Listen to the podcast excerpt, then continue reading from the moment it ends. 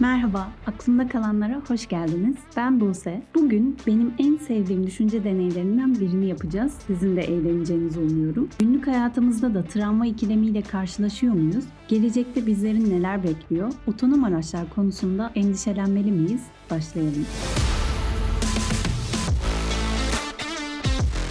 Selamlar. Bu alanı çok sevdiğim için düşünce deneyleri üzerine bir seri yapmayı düşünüyorum hep beraber biraz kafa yoracağımız, sezgilerimizi ortaya çıkaracağımız, kendimizi yeri gelince vicdanımızı sorgulayacağımız bir takım sorular sormayı hedefliyorum. Bence çok eğlenceli ama bazen etkisinden kolay çıkamıyorsunuz. Şimdi o zaman hazırsanız bunlardan ilkini hep beraber çözelim. Bir gün yürüyüşe çıkıyorsunuz ve yolunuzun üzerinde de demir yol var. Gözünüze birden inanılmaz bir şey takılıyor. Kontrolden çıkan bir treni fark ediyorsunuz kontrolden çıkmış çünkü makinistin bilinci yerinde değil. Rayların üstünde 5 işçiye doğru tren süratle ilerliyor. Tren o kadar hızlı geliyor ki kaçmak için zamanları bile yok ve eğer bir şey yapılmazsa hepsi saniyeler içinde ölecek. Fakat aslında bir umut var. O da sizsiniz. Benim bu hikayedeki yerim ne diyorsanız tren 5 işçinin olduğu yere varmadan önce aslında raylar çatallanıyor ve trenin makas değiştirmesini sağlayacak bir buton var. Siz de o butona çok yakınsınız. Eğer butona basarsanız tren diğer raya sapacak ve o ray üzerinde sadece bir işçi var. Soru şu. O butona basar mısınız? Yani işçilerin kaderini değiştirecek o kolu çeker misiniz?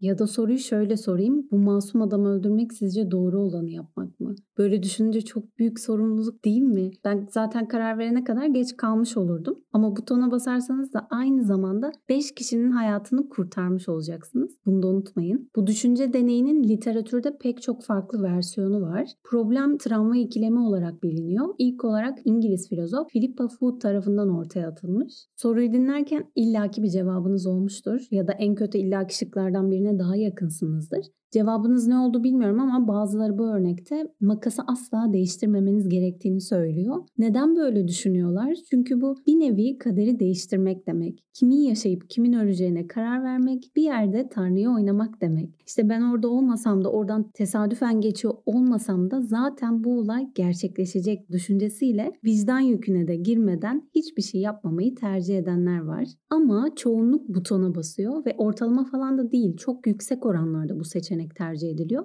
Bir araştırmada deneklerin %90'ı o bir kişiyi feda ederek butona basmayı seçmiş. Anket şeklinde de bırakmamışlar hatta. Baya baya sanal gerçeklik simülasyonunu yapıp test etmişler. Yani bilgisayar yardımıyla olay taklit ediliyor. Siz de tıpkı olay yerindeymişsiniz. Hatta olayı yaşıyormuşsunuz gibi karar vermeniz isteniyor. Oradan çıkan sonuçlar da oldukça benzer. Yine çoğunluk butona basmış. Tabii çoğunluğun butona basmasının arkasında ne var? Böyle felsefeye biraz ilginiz varsa büyük ihtimalle faydacılık prensibini duymuşsunuzdur. Faydacılık 18. yüzyılda yine İngiltere'den çıkmış. Jeremy Bentham tarafından ortaya atılmış. Peki nedir prensip olarak? Toplumdaki tüm bireylerin mutluluk seviyelerini, herkesin iyiliğini, herkesin refah seviyesini maksimize edecek olan eylemleri seçmek. Bütünlüğün faydasına olan eylemleri seçmek yani. İşte burada Burada da bu felsefeyle insanlar için genelde sonunda bir kişinin ölmesi gerekse bile 5 kişinin hayatı ağır basar. 5 kişinin hayatı büyüktür, bir kişinin hayatı. Böylece mutluluğu en üst seviyeye çıkarmış oluyorsunuz. Ama tabii problem bu kadar basit mi? Biraz farklı değişkenlerle manipüle ederseniz işler karışabilir. Mesela diğer raydaki işçi tanıdığınız biri. Hatta can dostunuz, hatta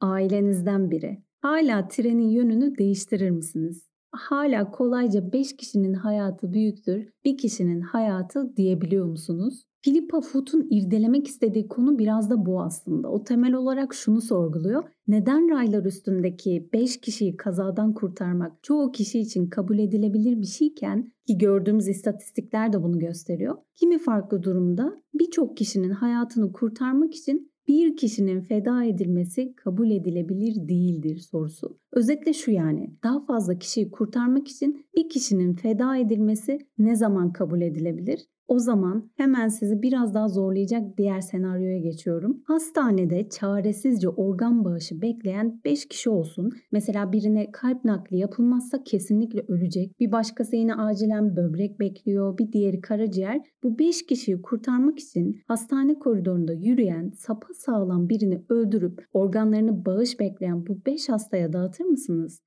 Ya da bu şekilde yapılan bir organ bağışı kabul edilebilir mi? Yani muhtemelen kimse sağlıklı birinin öldürülüp organlarının bu şekilde dağıtılmasını etik bulmamıştır. En azından öyle umuyorum. Ama soru özünde aynı değil mi? Yine 5 kişiyi kurtarmak için yine bir kişiyi feda ediyoruz. Bu soruda neden cevabımız değişiyor? Buraya gelmeden önce son bir senaryoyu daha gözünüzde canlandırmak istiyorum. Bu ilk anlattığım travma ikilemini Amerikalı filozof Thompson biraz daha zorlaştırmış. Şöyle ki şimdi yine aynı ilk problemdeki gibi kontrolden çıkan bir tren var. Yine çok süratli geliyor. Yine rayların üstünde kaçması mümkün olmayan 5 işçi var. Ama bu sefer raylar çatallanmıyor. Trenin yönünü değiştiremiyorsunuz yani. Hatta bu sefer siz de rayların üstündeki bir köprünün üzerindesiniz ve yanınızda oldukça iri bir adam var. Bu adam şu işimize yarıyor, oldukça kilolu yani treni durdurmak için yeterli ağırlıkta. İşlerin çirkinleştiği nokta şu, eğer bu adamı köprüden aşağı atarsanız treni yavaşlatacak hatta belki durduracak ve 5 işçinin hayatını kurtarmış olacaksınız. Ama şunu düşünmeyin işte adam o kadar kiloluysa nasıl atacağım? Siz çok güçlüsünüz. Adamı gayet kaldırabiliyorsunuz. Bir de adam yerine kendiniz atlayamazsınız. Bunu teklif edecek bir arkadaşım var. Onun için söylüyorum. Bu kadar tatlı olamayız. Siz şuna odaklanın. Treni durdurmak için adamı köprüden aşağı atar mısınız? Soru bu. İşte tam bu noktada pek çok insan bunu ahlaki açıdan ilk senaryodan çok uzak görüyor. Peki neden böyle? Soru aynı değil mi? İlk senaryoda makas değiştirmek doğruysa ikinci senaryoda da adamı itmek doğru olmaz mı? Hayır, soru aynı soru değil. Hatta iri adamı köprüden aşağı atmak cinayet gibi görünüyor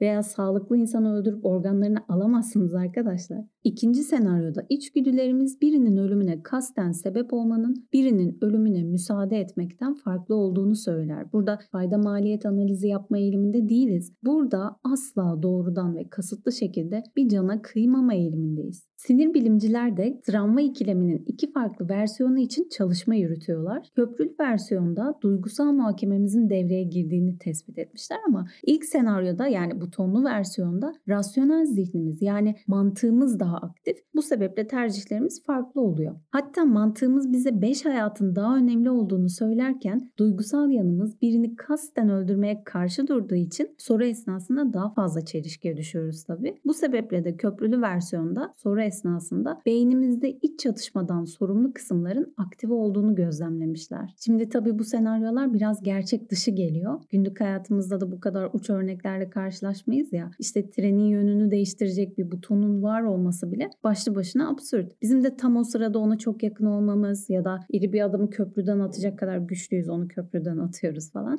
Evet gerçek değil, gerçek olma amacı da taşımıyor ama günlük hayatımızda travma ikilemiyle birebir yüzleşiyoruz. Ne demek istiyorum? Mesela 2019 yılında hayatımızın tümüyle değiştiği bir dönemden geçtik değil mi? Bir ara acaba bundan sonra hep maskelerle mi yaşayacağız diye düşündüğümüz bir pandemi atlattık bütün dünya olarak. Covid-19 ülke yönetimleri için tam bir travma ikilemiydi. Bakın seçenekler şunlar. A. Sokağa çıkma yasağı yok. Kısmi veya tam kapanma yok. Yani hiçbir şey yapma, butona basma. Covid'in milyonlarca insanı enfekte etmesine ve bir kısmını öldürmesine izin ver. Yani nüfusun sürü bağışıklığı geliştirmesini seç. B. Kısmi veya tam kapanma var. Sokağa çıkma yasağı var. Yani butona bas ve sadece sınırlı sayıda insanın öleceği senaryo bu. Ülkedeki işsizlik ve ekonomi pahası pahasına milyonlarca vatandaşın hayatını kurtar. Pandemide her ülke kendi sağlık politikasını izledi. Butona basanlar oldu, basmayanlar oldu, basmadığı için pişman olanlar oldu. Mesela Çin Ocak 2020'de 50 milyon insanın yaşadığı Wuhan eyaletini tamamen karantina altına aldı ki zaten Covid de oradan çıkmıştı. Ama İngiltere eski başbakanı Boris Johnson hatırlayın sürü bağışıklığını savundu. Hatta bunu uyguladığı için çok eleştirilmişti. Hatta kendi de bir süre sonra Covid'e yakalanıp yoğun bakıma kaldırılmıştı hatırlarsınız. Peki gelecekte bu tarz bir ikilemle karşılaşır mıyız? Maalesef hepimizin biraz endişeleneceği bir konu. Yapay zeka sistemleri insanlar için ölüm kalım anlamına gelecek bağımsız kararlar almak zorunda kalabilirler. Hatta Black Mirror dizisini izleyenler varsa aynı dizideki gibi geleceğe teknolojiye dair büyük bir distopya senaryosu gibi gelecek kulağa ama şimdi ne demek istediğimi anlayacaksınız. Mesela hayal edin. Otonom araçlar artık günlük hayatımızın bir parçası olmuş. Böyle jetgillerdeki gibi yaşıyoruz. Sabah hazırlandınız, otonom aracınıza bindiniz, araba kendi kendine gidiyor. Şahane. Siz arkanıza yaslanıp belki maillerinizi okurken, belki podcast dinlerken, belki sosyal medyada gezinirken aniden yola fırlayan çocukların olması durumunda ne olacak? Aracın bir karar vermesi gerekecek. Belki çocukları tespit edip onlar yerine bir direğe çarpmayı seçebilir ve çocuklar yerine koltuktaki sürücü hayatını kaybedebilir. Daha büyük bir kazaya engel olmak için aslında normalde hiç yaşanmayacak daha küçük bir kazaya sebebiyet verebilirler. Tabi otonom araçlar genel anlamda daha güvenli sürüş sağlayacaklardır ama burada benim söylemek istediğim bu tarz durumlar için etik anlayışının net bir şekilde tanımlanması gerekir. Sonuçta robotların ahlaki bir vicdanı yok. Programlandıkları oldukları şekilde hareket edecekler. Tam da bu endişeyle Massachusetts Teknoloji Enstitüsü'ndeki uzmanlar ve araştırmacılar 2014 yılında kapsamlı bir çalışma başlatıyorlar. Moral Machine, Türkçe adıyla ahlak makinesi adlı bir deney tasarlıyorlar. Buna girip siz de katılabilirsiniz online olarak. Ben birkaç defa yaptım. Hem ilginç hem de aynı zamanda çok eğlenceli. Instagram hesabında deneye ulaşmanız için paylaşım yaparım. Bence dinleyince siz de yapmak isteyeceksiniz. Deney özetle şu, karşınıza tıpkı travma ikilemi gibi toplamda 13 farklı senaryo geliyor. Her senaryoda bir seçim yapıyorsunuz. Mesela otonom araç geliyor ya önünde 3 genç insan var. Yoluna devam mı etsin yoksa bu 3 genç yerine araç rotasını değiştirip yolun karşısındaki 3 yaşlı insanı mı öldürsün? Sürücüsüz bir araba kontrolden çıktığında daha çok hangi kimliklerin hayatına öncelik veriliyor? Deney tamamen bunu ölçmek için kimin hayatı sizin için daha değerli? Kimin hayatı önceliklendirilmeli? sorgulamak zorunda kalıyorsunuz. Peki hangi kimlikler karşılaştırılıyor? Erkeklerle kadınlar, evsizlerle iş insanları, gençlerle yaşlılar, yayalarla otonom aracın içinde yer alan yolcular, insanlarla evcil hayvanlar, diğer insanlarla hamile kadınlar ya da bebek arabasındaki bebek, daha fazla hayata karşı daha az insan yani 5 kişiye karşı 1 kişi örneğindeki gibi bu kıyaslamalarda siz hangi kategorinin hayatını önceliklendirmeye daha yatkınsınız? Cinsiyet, yaş, sosyal statü gibi kategorilerde bunu araştırıyorlar. Ama bana en ilginç gelen kategori kilolu insanlar ve daha fit insanlar arasında yapılan karşılaştırma oldu. Artık bu baya kötülük yani. Bir de ben şey diye düşünmüştüm. Mesela trafik kurallarına uymayıp kırmızı ışıkta geçen birisi varsa bunun faturası kime kesiliyor? Yani araçtaki yolcunun günahı ne? Bunu da ölçüyorlar deneyde. Bazı senaryolarda yayalar kırmızı ışıkta geçtiği için kaza meydana geliyor. Siz de yaparsanız testi çözdüğünüzde en son testi daha önce çözmüş milyonlarca insanın cevaplarıyla sizin cevaplarınızı kıyaslayan bir ekran geliyor. Milyonlarca dedim sadece 4 yıl içinde 233 ülkeden milyonlarca insan bu deneye katılmış ve toplamda 40 milyon kararlık bir veri seti oluşmuş. Yani küresel ahlaki tercihler bağlamında şimdiye kadar gerçekleştirilmiş en kapsamlı çalışmalardan biri diyebiliriz. Bu veriyi tabii farklı kültürlerin tercihlerini kıyaslamak için de kullanmışlar. Nature'da bu deney üzerine yayınlanan makale farklı kültürler arasında hatta farklı ekonomi düzeyine sahip farklı coğrafyadaki insanlar arasında etik anlayışının ne kadar farklılaştığını anlatmış. Mesela analize göre Çin ve Japonya gibi kolektivist kültürlerden gelen katılımcılar yaşlıların hayatını gençlere nazaran önceliklendirmişler. O ülkelerde zaten toplumun yaşlı üyelerine saygıyı vurgulayan bir kültür hakim. Hatta Japonya'da yaşlı insanların kutlandığı bir tatil günü varmış. Yaşlılara saygı günü. Çok tatlı değil mi ya? O taraflarda yine Mutluluk Bakanlığı vardı. Butan'da olması lazım. Bakanlığın görevi insanların iç huzurunu korumak. Topluluk yerine daha bireyi vurgulayan bireyci kültürlerde mesela İngiltere'de, Amerika'da insanlar daha fazla hayatı korumaya daha fazla önem veriyorlar. Ekonomik açıdan baktığımızda eğer bir ülkede gelir eşitsizliği fazlaysa yani bir ülkede nüfusun farklı üyeleri arasında ekonomik refah anlamında fark fazlaysa o ülkedeki katılımcılar sosyal statü kıyaslamasında pek eşit davranmıyorlarmış. Zengin ve fakirlere karşı daha farklı davranıyorlar kimi daha önceliklendiriyorlar derseniz buralarda evsiz adamın feda edilme olasılığı daha yüksek çıkmış. Son olarak aynı coğrafyadaki ülkelerin kültürel olarak da birbirlerinden etkilendikleri için muhtemelen ahlaki tercihleri çok benzer çıkmış. Bu veriler nasıl kullanılır? Yapay zeka algoritması her ömre bir değer biçer mi?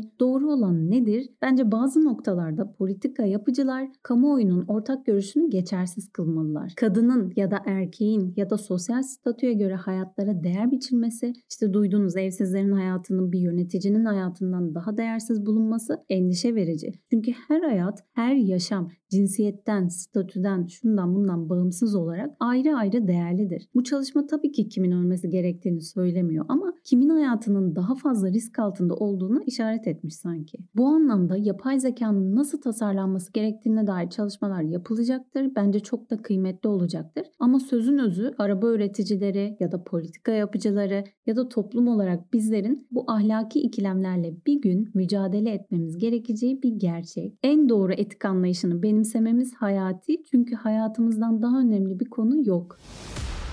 Yeni bölümlerden haberdar olmak istiyorsanız Spotify'dan takip edip bildirimleri açabilirsiniz. Instagram'da da hafta boyunca son bölümle ilgili paylaşımlar yapıyorum. Oraya da beklerim. Hoşçakalın. Bir sonraki bölümde görüşmek üzere.